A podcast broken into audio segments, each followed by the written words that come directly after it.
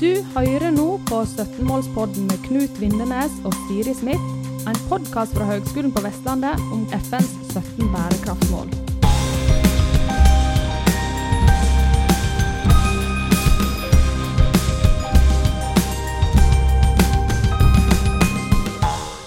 Ja, eh, velkommen til podkastepisode der vi skal snakke om FNs naturpanel, den siste rapporten til naturpanelet og naturkrisen. Vi har med oss professor Vigdis Vanvik ved Institutt for biovitenskap og Bjerknessenteret for klimaforskning som gjest. Velkommen, Vigdis. Tusen takk, og takk for invitasjonen. Veldig kjekt. Og hei til deg og Knut. Hallo, hallo. Hallo, hallo. Ja, først altså skal vi fortelle lytterne at Naturpanelet er et globalt vitenskapspanel, på samme måte som FN sitt klimapanel, IPCC. Eh, og Naturpanelet har forkortelsen IPBES. IBES. Og eh, rollen til Naturpanelet er fire sånne hovedroller, da. Det er å eh, Dette er litt sånn eh, tungt språk, men vi prøver. Utrede og sammenfatte status for kunnskap for å sikre faglig troverdighet og politisk legitimitet. Nummer to fremme utvikling av forvaltningsverktøy som overfører kunnskap til politiske beslutningstakere. Og nummer tre identifisere fagområder der det er behov for ny kunnskap. Og siste eh, bygge kapasitet i utviklingsland. Eh, Naturpanelet har kommet med en rekke utredninger, bl.a. om naturens tilstand og økosystemtjenester som naturen gir oss mennesker. Naturpanelet jobber med nye utredninger som lanseres fortløpende og gir et stadig bedre kunnskapsgrunnlag. Så vi skal snakke om den, særlig den siste rapporten, som faktisk er helt fersk. Den kom eh, 4.9.2023. Og den har faktisk Vigdis vært med å utarbeide. Men det skal vi snakke litt mer om. Ja, for aller først, eh, Vigdis. Eh, jeg så jo deg første gang på eh, under klimafestivalen i vår her i Bergen. Og ble imponert over hvordan du formidlet eh, all problematikken rundt natur og knytningen mot klima. Så jeg fikk en del aha-opplevelser eh, der. Og så er det fantastisk, fantastisk at vi har fått eh, deg til, ja, inn som gjest her nå og så snakke om dette. her. Men fortell litt om deg sjøl, bakgrunnen din, og så veien inn i Naturpanelet. Det er jo ikke alle som kommer inn i Naturpanelet for å gjøre en innsats der. Så fortell litt. Ja, jeg er planteøkolog og jobber på Universitetet i Bergen. Eh, og eh, og jeg, altså det jeg jobber mest med, er hvordan klima og klimaendringer påvirker planter og vegetasjon. Eh, både på kysten, kystlynghei har jeg vært øh, veldig mye jobba mye med, også, også på fjellet. Og min første sånn befatning med Og så er jeg, altså jeg, er sånn, jeg er mer enn gjennomsnittet interessert i plantene sin sånn seksualliv, og hvordan de egentlig får formert seg, og hvorfor det er så mange planter som vokser sammen, og veldig mye sånn nerdete ting. Det er mye, mye greier der, skjønner jeg. det er mye greier. Ja, det er mye sånn, ja, det er mye greier. Um, og uh, ja, vi, vi har en sånn spøk i miljøet mitt at vi skal lage et sånt norsk nettverk for fjellfiolforskning. For vi er faktisk opptil flere som har doktorgrad på fjellfiol. Og det er jo ikke Veldig søtt. Det, er- det er veldig fin plante. Men det er jo ikke fordi at fjellfiol i seg sjøl er så, sånn, sånn, så interessant for, for allmennheten at jeg er med i Naturpanelet. Eh, Men det er jo fordi at når vi driver på med det, så lærer vi samtidig veldig masse om hvordan klima påvirker naturen, og også hvordan Og, og den her fjellfiolen den henger jo da sammen med insekter og jordorganismer og alle mulige sånne ting. ikke sant? Sånn at vi, vi studerer på en måte hele økosystemet. Men hvordan, Og- men hvordan fikk du en plass i Det må du si litt om. Ja. Jo da, eh, for det første så Det her er min andre rapport da for, for Naturpanelet. Eh, Den første rapporten jeg var med på, det var den Europarapporten. Den som handla om natur og økosystemer i Europa. Den leverte vi i 2018. Mm. Eh, Og så kom den her nå, da. Og måten det, måten det skjer på, det er Altså, Naturpanelet er jo et globalt kunnskapspanel. Og eh, som er satt sammen av Nå er det 143 land da, som er med, men det er stadig flere land som melder seg inn i Naturpanelet. Og, og når de her rapportene skal, skal, ut, skal ut, eh, utredes, så er det sånn at eh, landene bestemmer seg for hvilke rapporter de vil ha, og så skriver de en sånn bestilling som er på ca. sånn tre-fire sider. eh, Som sier liksom herre vil vi, ha, herre vil vi vite noe om. Ja. Så for eksempel når det gjaldt fremmede arter, så skrev de vi vil vite noe om fremmede arter, hvor mange det er, det, hvordan de sprer seg, hva det koster samfunnet, og hvordan vi kan få kontroll på dem. Så både Norge og andre bestiller hvilken kunnskap de ønsker mer innsikt i. Um, ja. Ja, Alle landene bestiller det sammen, sånn Mm. enten, enten da europeisk eller globalt. Mm. Og så når de har bestemt seg for det, så setter de ned et, et, et kunnskapspanel. altså de, de setter ned et panel av forskere.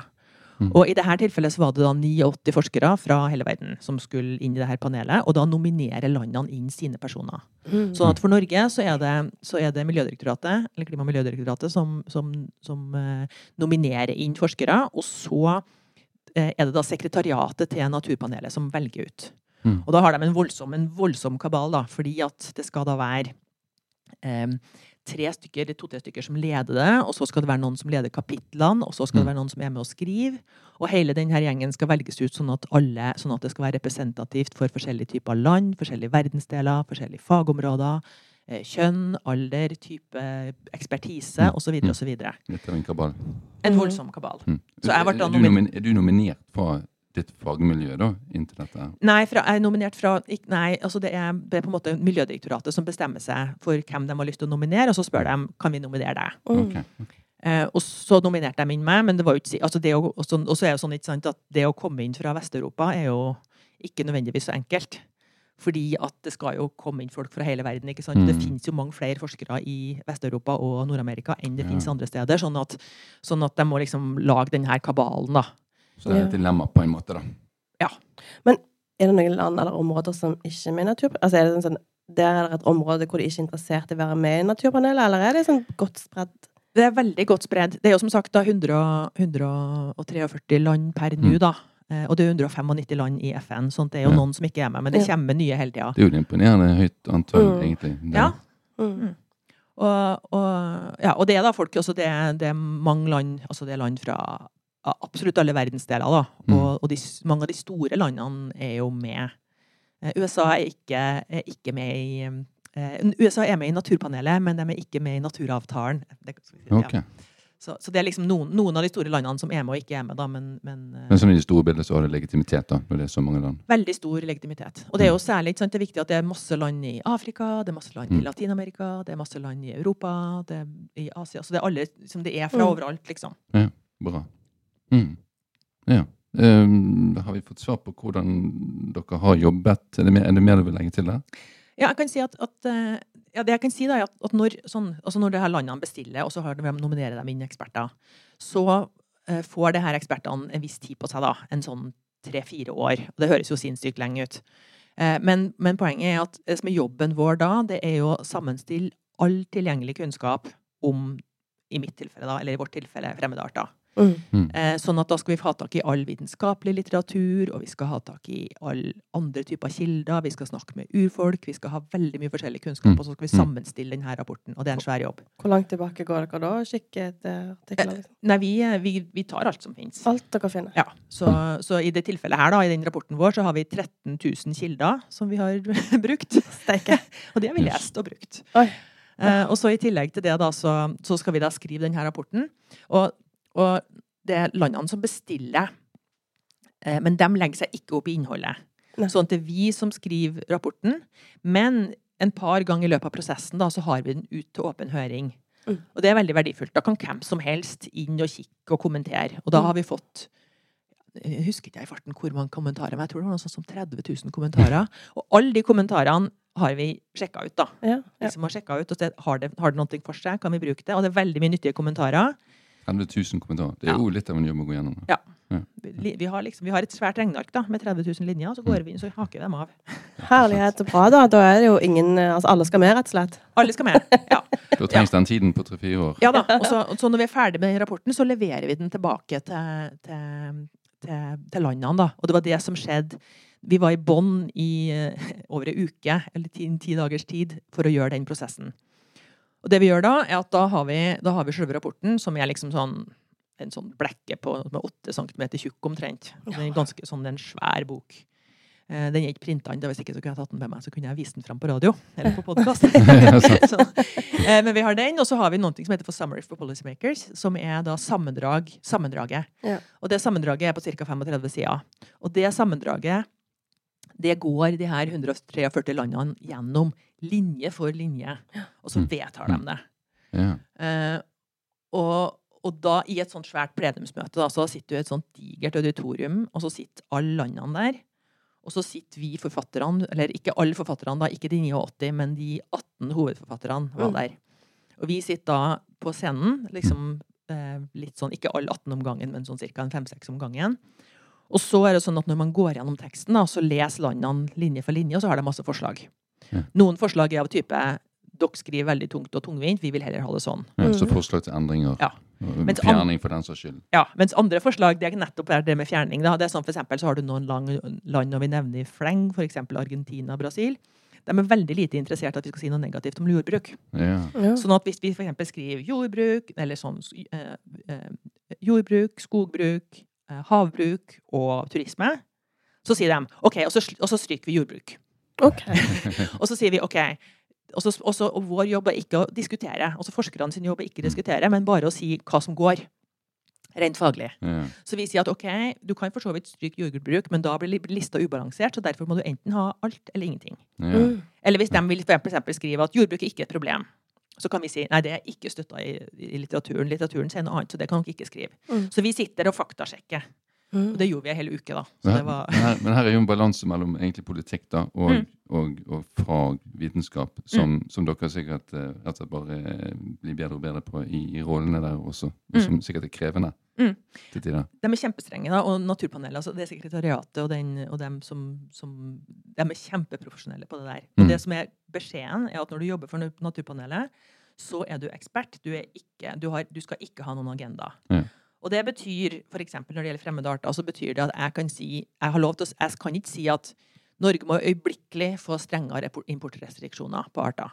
Det har jeg ikke lov til å si. Nei. Men det jeg kan si, at hvis vi skal bremse altså, Jeg kan si at fremmede arter er et stort problem. Eh, Det koster penger, det er et problem for landbruket, det er et problem for mange forskjellige sektorer, også for naturen. Hvis vi skal stoppe fremmede arter, så er det billigste og enkleste måten å stoppe det på, er å regulere import. Mm. OK, så du må Ja. argumentere. Så jeg kan si hvis sånn, ja, hvis sånn, så sånn. Mm, ja. Og det samme gjelder da den rollen. Men det som er, men det som er så men det som er, jeg synes, for at På den ene sida kan du si at åh, politikere blander seg i, i rapporten vår. ikke sant? Vi har skrevet en faglig rapport, og så kjenner de å blande seg i språket. Det er jo Mhm. forferdelig. Men man kan tenke motsatt også. Man kan tenke her har de faktisk bestilt en faglig rapport, og så sitter de med å bruke ei uke på å forstå den. Eh, og så er det da vår og så, og så er det da vår, vårt privilegium å få lov til å sitte der og forklare den. Ja. Og den rapporten den er jo ikke for meg. Altså, det er jo ikke forskere som skal lese den rapporten. Det er, det, er, det er dem som skal bruke den senere, så det må være nyttig for dem. Ja. Så de Så- tar, de tar en eierskap til det, da? Ja. Det, det er det positive. Hele den prosessen består av at de tar eierskap til forskning, Mm. og at etter at de har vedtatt en sånn rapport, så har de, i hvert fall i teorien, et felles kunnskapsgrunnlag, og så kan de krangle om hva de skal gjøre med det kunnskapsgrunnlaget. Ja, la oss høre litt om hva kom fram i den siste rapporten der. Så du, snakket, du har allerede sagt fremmedarter, så det er jo allerede ute av boksen. Ja, ja, ja. Ja. Eh, rapporten handla om fremmedarter. Og Mm. grunnen til at vi fikk, ble spurt om det, det er jo fordi at den forrige store rapporten, den som kom i 2019, Mm. den med én million arter er trua og sånn, ikke sant? Det Mm, sikkert, ja. Mm. Den sa at det er fem hovedårsaker til at naturen er trua på jorda. Klimaendringer er en av de, og så har du arealbruk, og så har du, og så har du forurensning, og så har du eh, overhøsting av naturressurser. Men Mm. spredning av fremmede arter er også en viktig årsak. Ja. Så da sa, eller da sa landene da, OK, det vil vi høre mer om. ja, hva Så betyr de, det, liksom? ja, så de har bestilt nye rapporter på alt det der, egentlig. Mm. Og vår var da om fremmede arter.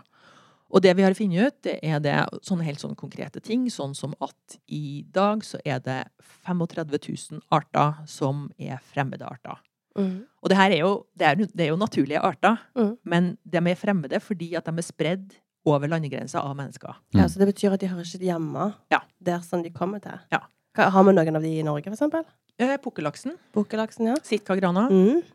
Eh, kongekrabben, det er jo, Ja. den er jo veldig Mm. god. Mm. Men kan de være spredd både tilsiktet og utilsiktet? Ja. Ja. Eh, og, det, og det er litt av poenget. ikke sant? Mm. Vi sprer mange ting med vilje rett og slett pga. at vi bruker dem i landbruk og skogbruk og fiskerier og havbruk og you name it. Mm. ja, det er vel satt ut med vilje òg. Ja. Fisk og sånn, for det her trenger vi litt fisk, og hardt at her kan det vokse Ja, ja, ja. ja. Eh, men så er det også arter som sprer seg uten vilje. Mm. Og typisk, altså En sånn veldig viktig måte ting sprer seg på, er jo f.eks. Gjennom, gjennom eh, skipsfart. ikke sant? De sitter på båtene, eller de er i, i, i ballastvannet, eller de er i varene som vi transporterer. ikke sant? Mm. Hvis vi ikke har gode rutiner for hvordan vi behandler ting når det kommer, kommer på land, så, så tar det med seg planter og dyr. Havnesby, er det et, Ja. et eksempel der? sant? Havnesby er et Ja, eksempel. de Den, den, fra, kom fra, den heter egentlig japansk sjøpung på norsk. Ja. Eh, Den kom fra, som du hører, fra, fra Østen og har spredd seg da med, med, skips, med skip da, Mhm. hit. Mm. Og er i ferd med å bli et kjempestort problem. Sprer seg. Vi vet lite om hvordan den kommer til å spre seg, men den sprer seg i stor fart i Ja, det var Europa. Stavanger har hatt uh, utfordringer med den. Ja. Mm. Og den sprer seg fort nordover nå. Så Mm, det er jo litt uklart hvor stort utbredelsesområde den kommer til å få, men den er et Mm. stort problem. Og den er et problem for akvakulturnæringa, Mm. men også for biologisk mangfold, da. Mm. Men har det vært en utvikling i hvordan maritim bransje jobber med dette? og Er man blitt bedre? Ja, og vi har jo nå fått en, en konvensjon på akkurat på det med ballastvann, eksempel, som er veldig viktig. Ja. Fordi at eh, ikke sant, båter ferier rundt omkring over hele verden, Mm. og, og når de er tom, så flyter de jo høyt. Og Mm. det er jo, da er de jo ikke så stabile, så derfor så fyller de eh, tankene med vann for, å flyte, for å flyte godt. Eller for å ha god, god stabilitet. Og det vannet, når de skal til en annen havn og, og, og, og fylle opp varer igjen, så bare tømmer de ut det vannet. ikke sant? Så det vannet er jo litt sånn risky. Ja, ja, Så der har det kommet en ny konvensjon som går, rett og slett, som går ut på at eh, for eksempel da, hvis sånn, eh, båter som kommer inn til ferskvann, sånn som de store sjøene i, i USA, der var det et kjempeproblem, for at båter kom, så hadde de kanskje med seg ferskvann fra et helt annet sted på jorda, og så, og så tømte de tankene og fylte på varer, ikke sant? Mm. Eh, og, så, og så dro de videre igjen, da. Eh, for noen år siden så ble det, så ble det laga nye regler der på ballastvann. Og det de bestemte da, var at når du er i saltvann, så skal du skylle gjennom tankene med saltvann. Og saltvannsarter klarer seg jo dårlig i ferskvann. ja, Så ja. det som skjedde da, var at da tok de ned gjennom å sette et krav til skylling. Mm. Altså at du måtte stoppe underveis da når du var Det var jo en liten kostnad for, for, skip, for, for skipsfarten, men ikke så veldig stor. At du må bare tømme ut ferskvannet i havet. Da dør jo alt. Tar du på salt, saltvann, så tar du med det saltvannet opp til f.eks. til Detroit, der Mm. hvor du skulle hen. ikke sant? Mm. Og så tømmer du saltvann ut der. Mm. Det er jo ikke noe stor, altså det er jo ikke noe stor, altså det å få litt salt ut i den sjøen, det går helt fint, Mm. for det er jo ikke så store volum. Men du får ingen fremmede arter som kan leve der, for saltvannsarter kan jo ikke leve i ferskvann. Nei. Så da klarte de å ta ned spredningen av fremmede arter med 85 Mm. inn til de store sjøene. Mm. Enkelt, uh, enk, altså enkelt, men Ja. altså ja. Ja, så det er, det er en del enkle grep, da. Og det er en ting som vi fant ut i denne rapporten. Altså, du, ja, vi fant, det vi fant ut i den rapporten, at per i dag så finnes det noe sånn som 35 000 eh, arter som er spredd av mennesker til nye land. Mm. Og vi ser også at den spredningsraten den øker noe voldsomt. Det handler rett og slett om at verdenshandelen øker, ikke sant? Eh, og kan du si et tall igjen? 35 000. Det er jo et visst, det er jo et ganske stort tall, da. Og, innen fem, og hvis vi ikke gjør noen ting, altså hvis, hvis alt sammen bare fortsetter akkurat sånn som det er i dag, så kommer det til å være minst 35% flere i 2050. Mm. Så det vil øke med over en tredjedel. Mm. Men det er hvis verdenshandelen er sånn som den er i dag. Hvis alt er sånn som det er i dag. Hvis, hvis klimaet er sånn som det er i dag. Hvis verdenshandelen er sånn som det er i dag. Hvis arealbruken er sånn som det er i dag. Ja. Og alt det her kommer til å øke. Ja. Ja. Så dermed så kommer det til å bli verre enn det. Eh, og så fant vi også ut at per i dag så koster fremmede arter Det koster eh, eh, cirka et Altså det koster eh, 4000 milliarder kroner. 4000 okay. milliarder kroner. Ja, det er et kvart oljefond Ja. Ja. per år. også et stort. Det er jo ekstremt. Ja. Per år. Og det er et grovt underestimat, for det er bare de målte kostnadene. Vi fant f.eks. veldig få kostnader i Afrika. Bare 7% av alle kostnader var målt i Afrika. Men det er helt urealistisk at bare 7% av kostnadene er i Afrika.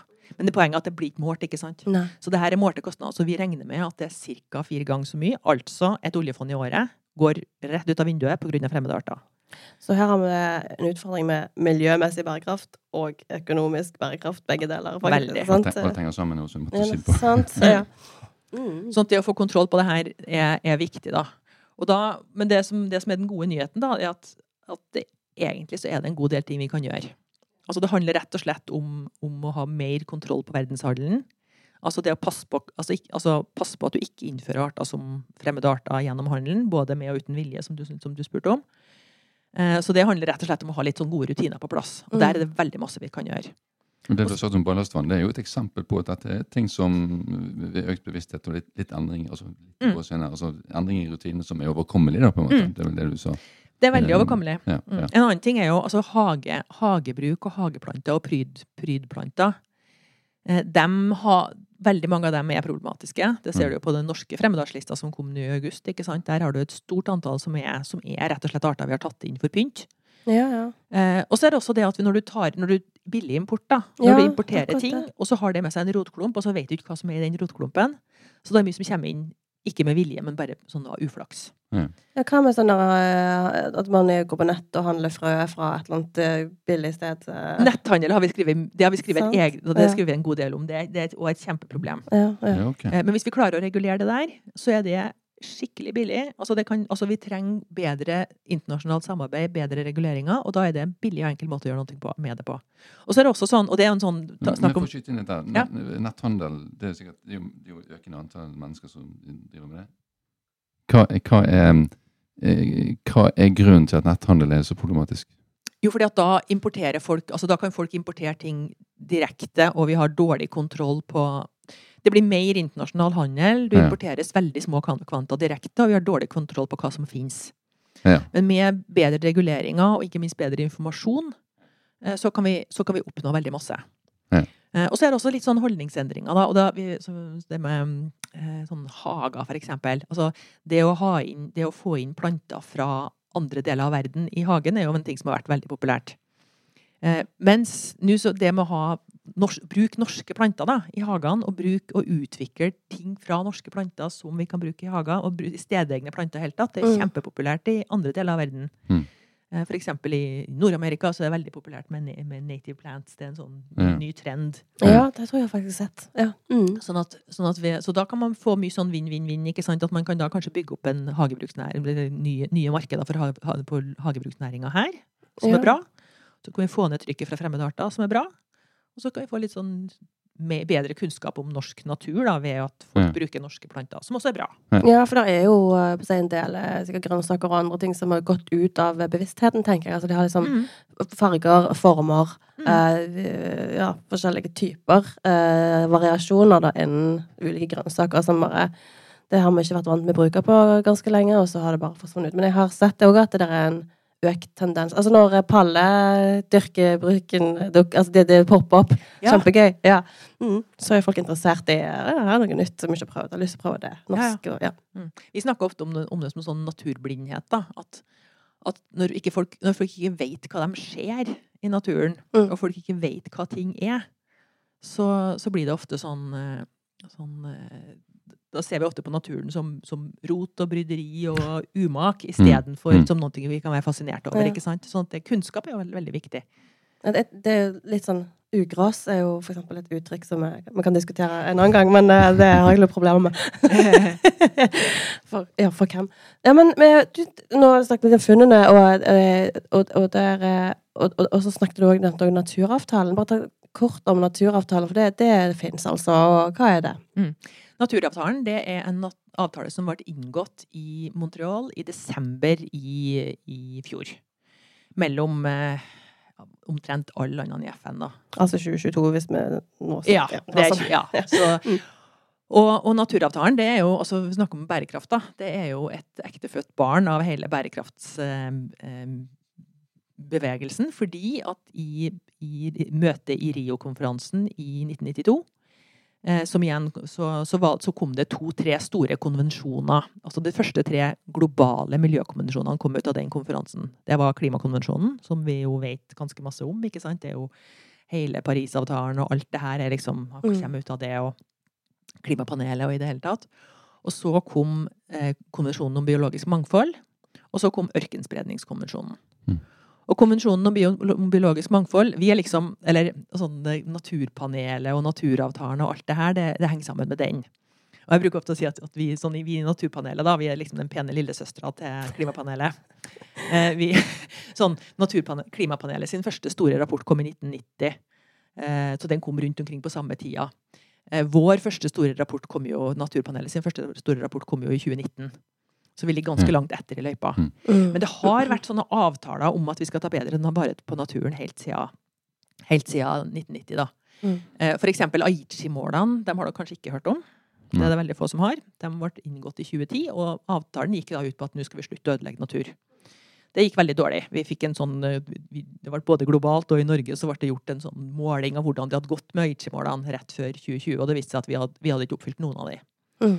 Eh, Så nå er det liksom en Det er liksom nyttårsforsetter igjen. Vi, sånn, nyttårsforsetter igjen, da. Så nå skal liksom, skal alt bli så meget bedre. Og, og, og naturavtalen skulle egentlig bli inngått i Kunming i 2020. Så derfor så heit, så, ja, Men da, da, skjedde, da var det vanskelig å dra til Kina i 2020. Ja, var de det som husker pandemi. litt de som husker litt tilbake. Så det ble utsatt og utsatt, og til slutt ble det flytta til Montreal. Så derfor heter den, på fint så heter den Kunming Montreal Global Biodiversity Framework. Ja. Men det er faktisk også en veldig fin avtale, da. Den har fire store mål, eller hovedmål, og så har den 23 del delmål. Og det den handler om, er for det første at vi skal ta bedre vare på naturen. Sånn, et mål som mange har hørt om, er kanskje det med at vi skal verne 30 av, av landarealene og 30% av havarealene. Mm. Men så har den veldig mange andre mål også, som sier noe om at vi skal slutte å utrydde arter, at vi skal ta bedre natur, vare på naturen der vi bor, og også at vi må slutte å ødelegge natur. Og det er jo her det her med fremmede arter kommer inn. Mm. Og, ja, og så er det masse mål som handler også om at vi skal passe på at folk får det de trenger. Altså vi skal ta vare på naturgoder, sånn som matproduksjon og alle de her tingene. Og så skal vi også Det er masse sånne prosessmål da, som sier noe om at vi skal ta vare på vi må, vi må jobbe godt sammen globalt, og vi må ha med næringslivet og privat sektor og offentlig sektor og alle land, og vi må dele på ressurser, og vi må ha god informasjonsflyt og hjelpe hverandre.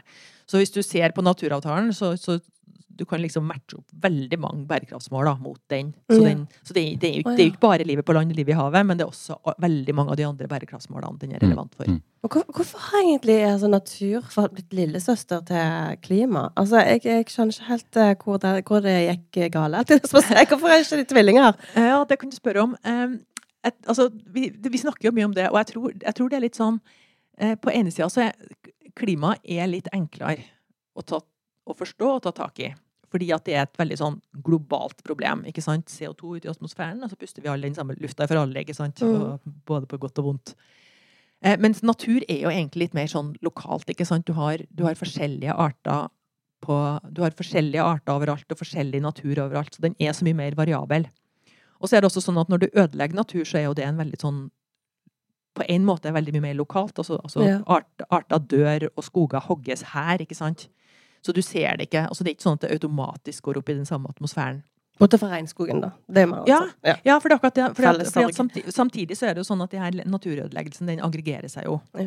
Og der har jo den her første globale rapporten til Naturpanelet kommet med noen sånne sinnssyke tall, ikke sant? hvor den sa at eh, nå per i dag så er hver fjerde art på jorda trua med utryddelse. Mm. Altså 25% er trua, og det skyldes oss. Og så sa den også at det her skyldes i all vesentlighet nedbygging og arealbruk. Altså 75% av jorda sin overflate er mer eller mindre omdanna av oss mennesker. Så det er en sånn helt sinnssyke tall. Mm. Eh, og så sa den også noe om at det her truer faktisk ikke bare naturen, men det truer også oss. Ja. Eh, fordi for eksempel at, at eh, naturen Altså naturen er enormt viktig i karbonkretsløpet. Og Mm. karbonkretsløpet er jo det som styrer klimaet. Sånn at, sånn at vi Og det er også en sånn ting som, som, som Klimapanelet har vist, da. At det fins Den siste rapporten som Og det kan jeg kanskje si at som, som naturforsker, da, så har jeg vært litt som, som denne lillesøstera, så har jeg vært litt sånn, sånn eh, misunnelig på klima. Eh, fordi at det har vært så mye mer snakk om Mm. klima, ikke sant? Mm. Og så, og så når, jeg, og når jeg springer rundt med det her fjellfjolene mine, og sånne ting, så, så får jeg ofte høre at, eh, fra næringslivet eksempel, at ja, ja, nei, nei, det er fint at du er opptatt av blomster og bier, og sånt, men, men vi skal jo tross alt tjene penger her. Så her har vi jo sånn ordentlige voksenting som vi holder på med. Veldig kortsiktig tenkt, Ja. vil jeg da si. Ja. Ja, ja. Og så, så kom det noen år da, hvor folk sa at ja, ja, nei, nei, fint at du er opptatt av blomster og bier, og sånt, men vi har jo et klima. Vi må jo redde klimaet. Ja, for det er jo noe med at man kanskje ikke er mottagelig for flere kriser og problemer. Eller? nei, nei. nei. Og, og, og nå så snakker vi veldig mye om at ja, ja, vi må jo ofre noe. ikke sant? Så Vi skal jo putte vindmøller overalt, f.eks. Ja. Og da må vi ofre litt natur. Mm. Eh, men så, da, da er det ganske interessant, da, for når du da ser på den siste rapporten til Klimapanelet, som kom i 2022 eh, Det de sa og som kom, Sluttrapporten kom i 2023. da, den kom i, den, den, de, de har jo liksom sånn tre igjen. De har jo tre for prisen av én. Liksom. Ja, sant? Ja, ja, ja. Tre rapporter som Mm. blir til én rapport, og den Mm. sluttrapporten kom i 2023. Eh, Men det den rapporten sa, det var jo at det fins ingen måte å Altså, vi er nødt til å slå- slutte med fossile, fossile utslipp, men det fins ingen måte vi kan bremse klimaendringene på uten at vi samtidig har naturen med på laget. Og for å få naturen med på laget, så er naturen altså er, Vi snakker fotosyntese her, det er plantene, ikke sant? Det er karbon, plantene som binder masse CO2 fra atmosfæren. Og det er et sånt kjøttvektsspørsmål. Altså, jo mer planter du har, Mm. jo mer karbonbinding får du. Ja. Og per i dag så er det sånn at på jorda totalt sett så har vi bare halvparten så mye planter som det kunne ha vært. Hvis ikke vi mennesker hadde breia oss så fælt. Så det betyr at vi har bare halvparten så mye karbonbinding fra atmosfæren som det kunne ha vært. Hvis vi ikke hadde breia oss så fælt. Så derfor så er det sånn at vi er nødt sånn, vi, kan ikke, vi, kan ikke, det- vi kan ikke sånn skal bare, skal bare lenger når det gjelder natur. Vi er nødt til å stoppe nedbyggingen av natur. Vi er nødt til å la naturen få mer plass. Og derfor så er det her med arealnøytralitet ikke sant? og det å slutte å ta og slutte å bygge ned natur eh, så utrolig viktig. Mm. Og det, blir- derfor så det har blir vi jo den lokale eh, virkningen av Ja. dette. Sant? Mm. Eh, ja. mm. Og det, det går helt ned på lokalnivå. ikke sant? Fordi at For å ta vare på sjeldne arter så trenger du kanskje bare å ta vare på en liten flekk natur her og der. Da kan man tenke litt sånn, fri, sånn frimerke. Men skal du ta vare på økosystemprosessene i naturen altså Karbonbinding er én ting, men flomdemping er vi ganske interessert i for tida. Eh, Så må vi ta vare på arealer. Arealer og volum og natur. Og da er det plutselig kjøttvekta som teller, da. Mm. Så da er all natur viktig. Ja. Ser den. Mm. Samarbeidet litt videre i, i, i tematikken her. Ja. Eh, hvordan samarbeider Klimapanelet og Naturpanelet? Kan du si noe om det? Ja, vi har, eh, vi har helt sånne konkrete samarbeid. Da. Det, det var en sånn, en sånn liten fellesrapport for eksempel om, eh, om klima, og, og, klima og natur. eh, Som kom fram med en del av den informasjonen som f.eks. Klimapanelet eh, brukte i sin siste rapport. Så vi samarbeider helt klart på den måten. En annen måte vi samarbeider på, det er at det handler om kunnskapssystemer. Mm. Eh, fordi at vi i Naturpanelet eh, er ganske flinke på det med å ha et bredere, sånn, bredere inngang når det gjelder kunnskap, og ta med um, og, t- og ta med mer av f.eks. urfolkskunnskap og lokalkunnskap og den type ting inn i rapportene våre. Mm. Så det er en sånn ting som, som, som Klimapanelet lærer litt av oss. da. Ha mer sånn, mang, ja, ha mer sånn, kanskje fordi at man, naturen er mangfoldig, så vi er gode på mangfold. da. Så det er vi også, kanskje på andre måter. Mens, mens Klimapanelet har vært litt mer sånn, litt mer sånn harde realister. Mm. Fram til de begynte å jobbe mer med omstilling, og da skjønte de plutselig at omstilling av samfunnet det er ikke et, det er ikke et naturvitenskapelig spørsmål, det er et samfunnsvitenskapelig spørsmål. Ja, det er jo en viktig, viktig definisjon, eller viktig eh, ja, erkjennelse, da, egentlig. Mm. Mm. Mm. Uh, ja, har du vært med på eh, de andre, altså de andre rapportene som Naturpanelet har gitt ut? Har du, har du hatt, hatt noen medvirkning der, eller hvordan jobber dere? Jeg var med på og Det er jo sånn For hver enkelt rapport så nominerer de en ekspert, eksperter. Og, og, når, og, og sånn at nå når vi er ferdig med den rapporten om fremmede arter, nå, så er vi ferdig med den. Og da, da nomineres det nye folk til de nye rapportene. Ja. Men jeg har vært med på to, da. Jeg fikk være med på denne rapporten, eh, Europarapporten. Så vi, det, før den store globale rapporten så, kom, så laga de én rapport fra hver av de store verdensområdene. Da. Det var en fra Europa og Sentral-Asia som jeg var med på. Og så var det en fra Afrika, en fra Asia, og en fra Amerika, og en fra Oceania. Mm. Mm. Så, eller nei, unnskyld. Ja, en fra, ja, en fra, fra Australia og Oceania, den, den delen av verden, da. Så, så, så jeg var med på den rapporten fra Europa. Og det var litt mer sånn nybrottsarbeid, egentlig, for vi hadde jo ikke laga en sånn rapport før. Så da var det mye sånn prøve å finne ut hvordan vi egentlig skulle gjøre det. Ja. Eh, mens den her var mer sånn, den var global, da. Den var fremmede arter, så den er fra hele verden. Og så var den også, eh, også mer fokusert på én ting, da. Bare fremmede arter. Så det var litt enklere. ja. ja. Nettopp. Ja. Her er det utrolig masse spennende. Vi snakket litt om eh, dette her med nøytral, nei, arealnøytralitet. Og det er jo det Restaurering av natur er ikke vi inne i FNs tiår for eh, naturrestaurering òg. Jo. Er det Mange peker på det som en løsning lokalt. At det ja, men kan jo bare restaurere naturen et annet sted. Er det 50-50, holdt jeg på å si? Eh, altså eh, Ja. For det første så er det sånn at, at, at bare for, sånn for, å, for å starte med liksom, situasjonsbeskrivelsen, så er det jo sånn at eh, at både i verden og i, i Norge så er nedbygging og ødelegging av natur den suverent største trusselen mot biologisk mangfold. Eh, og jeg sa at hver fjerde art i verden var trua med utryddelse. Mm. Eh, og så kan man si at ok, men her i Norge er det jo så stort land, og vi har jo så mye Mm. natur, så her er det jo helt annerledes. Og i Norge så er 21% av alle artene våre på rødlista. Så vi leverer artsutryddelse nesten på verdensgjennomsnittet. Og det er ganske Altså, du skulle nesten tro at vi prøvde liksom altså, tenker så stort land, så masse natur, så få folk, Mm. så det er ganske godt gjort. Så det Mm. betyr at vi, vi gjør ikke en spesielt god jobb. Og også i Norge så er areal, arealødeleggelser, eller arealendringer, er den store årsaken. Um, så, og så er det sånn at, um, sånn at sånn at vi må slutte å ødelegge natur, det er utrolig viktig. Eh, samtidig så, så kan man jo si at det at vi har ødelagt såpass mye natur, det er jo en fin eh, Det gir jo masse muligheter. For det betyr at vi har masse natur som er i ganske dårlig økologisk tilstand, som det er mulig å restaurere. Mm. Mm. Og klart, det må vi definitivt gjøre. Og, og da melder jeg jo etter spørsmålet hvordan, altså, hvordan kan du gjøre en, eh, en, en, en, altså en restaurering som eh, gjør at du kommer så å si helt tilbake igjen til opprinnelig tilstand? Hvordan, eh, Ja, sånt tar, sånt tar tid, da. Og det er litt sånn, det er litt sånn problemet at det å, det å grave opp en myr, det kan du gjøre på en dag hvis ikke myra er altfor stor og du har nok gravemaskiner. Mm. Mens det å få laga ei myr, Mm. det tar ja, våre, våre, Myrene våre er ca. 10 000 år gamle. De har blitt bygd opp sakte, men sikkert siden, siden istida. Sånn at, sånn at, det, å, å, sånn at det å få et fungerende økosystem, da, det tar lang tid.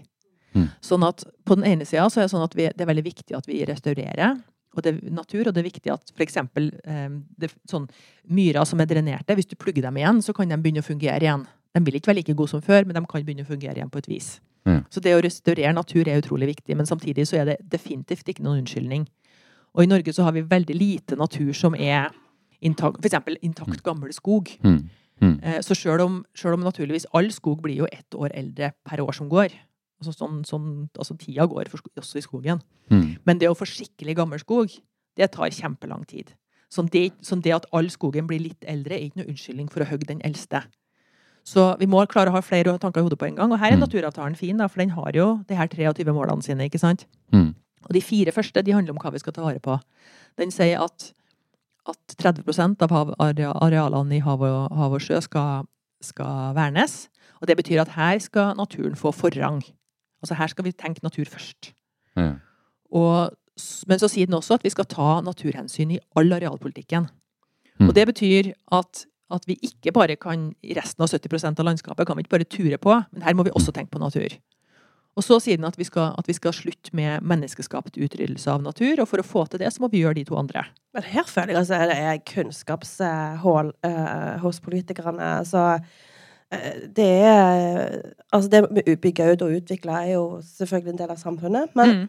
det er et eller annet med at det, det du sier her nå, er jo Hvorfor Altså, det virker som at man ikke vet helt hva man driver med. Altså, den kunnskapen om hva eh, biologisk mangfold hva det egentlig betyr. Mm. At det er 21% av våre arter her i Norge som er på rødlista, Mm. osv. Det er liksom det fins, men det er ingen som tar hensyn til det. Altså, Mm. Hvorfor kommer ikke Jeg ble litt sånn ja, engasjert her, men hvorfor kommer, hvorfor kommer de ikke Hvorfor er de ikke lenger framme i pannebrasken? Altså, når det er på en måte snakk om at det er Og så, og så har jeg et oppfølgingsspørsmål på det. Eller, Ja, så god. Eh, Altså, når du sier natur skal komme først, så eh, høres jo det veldig bra ut. Men, men har du eksempler på hva det kan innebære? Eh, altså i, sånn i praksis lokalt i en kommune? At natur skal komme først? Hva, Ja. hva, hva legger vi i det, eller, eller hva bør det bety? Mm, ja, men også sånn eh, 80, 80 kommuner i Norge har faktisk sagt nå at de skal bli arealnøytrale. Og det syns jeg er veldig interessant. Em, så, men for, å, for å ta det sånn fra, fra, fra andre enden, da. Det er veldig få folk som står opp om morgenen liksom, med et sånt brennende ønske om at i dag, i dag skal jeg utrydde en art. I dag skal jeg ødelegge naturen, liksom. Det, det er veldig få som har det som målet sitt. Sånn at det skjer jo, det skjer jo fordi Altså det skjer jo på en måte i blindsona. Det er litt sånn som du sier. ikke sant? Det skjer jo liksom fordi at vi tenker på noe annet. Vi har Ja, en plan om noe problem, annet. problemet er at ikke du tenker på det i det hele tatt? Ja. Ja. Og så bare, og så bare, liksom, så bare skjer det. Så det første vi må gjøre, er jo å få det fram i fokus. Altså vi må, vi må prøve å tenke, vi må prøve å forklare, vi må prøve å få vise og forklare verden.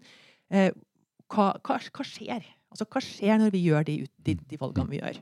Og da er det sånn som det med arealene. ikke sant? Altså, sånn som det er i Norge i dag. da, Det billigste stedet du kan Hvis du f.eks. skal bygge en Ikea-butikk, IKEA-fabrikk eller en IKEA-butikk, for si for å ta et helt tilfeldig eksempel. Helt hypotetisk. Et helt hypotetisk eksempel. Det billigste og enkleste stedet du kan bygge det, er på jordbruksland. Fordi at der er det allerede rydda. Mm. Og jordbruket altså Prisen på jordbruksland er veldig lav fordi at inntjeninga i jordbruket ikke er så høy. fordi at, sånn at det du tjener på, den, på, det, på, et, på et mål jord, er ikke all verden. ikke sant? Fordi at matvareprisene er lave. Mm. Men det området er jo ferdig rydda. ikke sant? Så det alt du trenger å gjøre, der, er å skrape av den matjorda, og så har du fint byggeland. Mm. Det nest billigste stedet å bygge er i naturen. Eh, fordi at da kan du bare sp- sprenge litt, og så har du det. Det dyreste stedet å bygge er jo på areal som allerede er brukt. ikke sant? For at Mm, der er det jo noen allerede, eller kanskje det ligger står bygninger der som må rives, eller det kan være mye sånn styr. Men det er vel en del nyanser der også. Altså, det vil, vil være eh, type infrastruktur som lettere kan gjenbrukes. En, Mm. Altså at det er forskjell på, Mm. på, lokasjon, eller på lokasjoner. Ja, ja. Men vi, vi, vi må ha det fram i hodet. ikke sant? Vi må, vi, må, vi må sette noen regler. Så må vi si at nei, vi skal faktisk, altså, vi skal faktisk ikke bygge ned mer, nat- mer jord. Altså, Vi må sette oss noen sånne grenser. Og Det kan man gjøre på forskjellige måter. Man kan sette dem med hjelp av regulering ikke sant? og si sorry, at vern er vern og natur skal stå. Eh, Eller man kan gjøre det ved hjelp av prisingsmekanismer, eller man kan Mm. gjøre det ved hjelp av subsidier. Det er mange måter å gjøre det på, og vi må ta, vi må ta i bruk masse verktøy. Men vi må ha mye strengere regulering, og, og vi må ha mye strengere, vi må være mye strengere med oss sjøl når det gjelder det med natur. For vi har en sånn tenk, tendens til å tenke altså vi må jo bare akkurat. Vi skal jo bare, ikke sant. Mm. Vi skal bare bygge litt mer, vi skal bare ha litt utvikling osv. osv. Men vi har jo sløsa noe sinnssykt med natur. Hvis du, hvis du går rundt i ja, Bergen for en saks skyld, eller hvor som helst i Norge, og ser på hvor mye plass vi bruker på parkering, ikke sant? Mm. Sinnssyke arealer vi bruker på parkering, eller på vei, eller på arealer som vi bare liksom har brukt, og så ligger de bare der. Så at hvis vi blir litt mer grådig, altså hvis vi blir litt mer grådige på, grådig på arealene, da, hvis vi bruker dem mer effektivt, så er det utrolig masse vi kan gjøre. Mm. Vi har plass til masse samfunnsutvikling innenfor de arealene vi allerede har båndlagt. Og vi har også plass til å slippe naturen mer inn i de arealene hvor vi, hvor vi bor. Og der, men da går det inn på sånne Og da er det igjen ikke sånn at det her er ikke et naturvitenskapelig spørsmål, det er et samfunnsvitenskapelig spørsmål. Fordi at for å få til god trafikkutvikling og god Mm. arealbruk i byer, så handler det veldig mye om hvordan vi skal flytte oss. ikke sant? Hvis, du, Mm. hvis vi reiser kollektivt istedenfor eh, med bil, så sparer vi sinnssykt med arealer. Mm. Og da kan vi bo mer konsentrert. Da får vi også veldig gode bomiljø, ikke sant? Og Så, så det, det er masse vinn-vinn, da. Ja, og tilgang, som vi snakket om litt før, altså i sted, da, før vi begynte opptaket, taket. Um, tilgangen til natur også i byer er Ja. vel uh, fundamentalt viktig, egentlig. Ja, Og det er et, et av målene i, i naturavtalen. da. Eh, faktisk. At folk, altså alle folk på jorda skal få mer tilgang til natur. Mm. Og for oss i Norge, og særlig sånn, vi sitter jo i Bergen nå, og det er jo fjell rundt på alle kanter. ikke sant? Mm. Så det høres jo det litt sånn merkelig ut, men for veldig mange mennesker på jorda så er natur noe de ikke har spesielt god tilgang til. Og det er utrolig trist. Fordi at det liksom å, å høre fuglesang, og se dyr, og se trær, og se at løvet spretter om våren altså Det er utrolig mye sånn, sånne, sånne ting som gir masse glede, da. Ja, så det er ikke noe vi bare skal overlate, overlate til distriktene rundt. Det Nei, nei, det er kjempeviktig. Mm. Og særlig nå når klimaet forandrer seg. ikke sant? Det blir varmere. Altså trær altså hvis, sånn trær i byer, må, ja, trær i byer er jo helt, trær er jo helt fantastiske. Mm. Altså sånn, Mm. Trær de, de, de nedkjøler lufta, så det blir kjøligere. De gir Mm. skygge. Eh, de er bolig for fugler og insekter og alle mulige sånne ting som vi kan se på og høre på og ha glede av. Mm. I tillegg til det så renser de lufta og demper støy eh, og binder karbon. eh, Og regulerer flom. Og alt det gjør de helt gratis. ikke sant? skikkelig Hvis det- multifunksjon. ja, hvis det her hadde vært en maskin, så hadde, altså det hadde jo, hvis det her hadde vært en ting vi hadde solgt, også hvis det her hadde vært en, en, en ting vi hadde oppfunnet, så hadde det jo vært et helt sånn vidunder, vidundermaskin, ikke sant? Og det her er helt gratis, eller i hvert fall veldig billig, da. Mm. Så, så det, det er jo noe med at vi, vi, liksom, vi må slippe naturen til, sånn at, vi, sånn at den får lov til å gjøre alle de jobbene der vi bor. Mm. Rett og slett. Vi kunne sittet og snakket om dette i dagevis, egentlig. Det er utrolig interessant, dette. Men Eh, vi, eh, superinteressant. Må, må nok gå til en avslutning. men, Ja, men folk, eh, folk kan gå ut og se litt etter, se litt etter natur. Ja, jeg s- tenker også, og, og det er jo det med at det, det, det, du sier, det gir glede, og det gir ro. Mm. Og mange, altså vi er jo, som du sier, altså, vi er jo uh, velsigna, da, for å kalle det for det, med så mye natur rundt oss. Så vi Mm. vet kanskje ikke hvor godt vi har det når vi har så mye. Mm. Eh, for mange bruker jo naturen til å roe seg ned og komme, komme liksom i, i balanse med seg sjøl. Mm. Så det, det er noen sånne verdier òg ute og går eh, som ikke gjerne kan telles på samme måte, men som Mm. er bra for oss. Vi er faktisk en del av naturen. Det er et sjokk for mange, men det er sånn er det. mm, mm. ja. Så er det bare å håpe og tro at, uh, at lytterne vil uh, Ja, for noen lyttere er dette sikkert mer nytt enn for andre. Uh, men iallfall uh, oppsøke. Man kan sikkert finne naturavtalen ved å google, vil jeg, vil jeg tro. Lett å finne den. Mm. Jeg kan reklamere for jukselappen min. da. På, må på hjemmesida mi har jeg laga en sånn jukselapp over naturavtalen. Som jeg foreløpig har på bokmål, nynorsk, engelsk og nordsamisk. Mm. da kan vi sikkert legge ut den nettsiden på, på Ja. vår podkast-side. Ja. kilder. Mm. Ja. For det er en ganske langt og tungt og byråkratisk skrevet dokument, men jeg tenkte jeg måtte ha en sånn enkel jukselapp, så der har jeg den. Ja, men Fantastisk. Men eh, tusen takk til deg, Vigdis, for at du delte av din eh, kunnskap og innsikt eh, Ja, her. tusen for ditt takk. arbeid. Ja, Og lykke til videre i utrolig viktig arbeid. da. Ja, Eh, Tusen takk så for det, og hjertelig takk for invitasjonen. Gleden på vår side. Tusen takk. Du har nå hørt en podkast fra Høgskolen på Vestlandet. Du kan høre flere podkaster fra oss ved å gå inn på nettsiden hvl.no. slash podkast.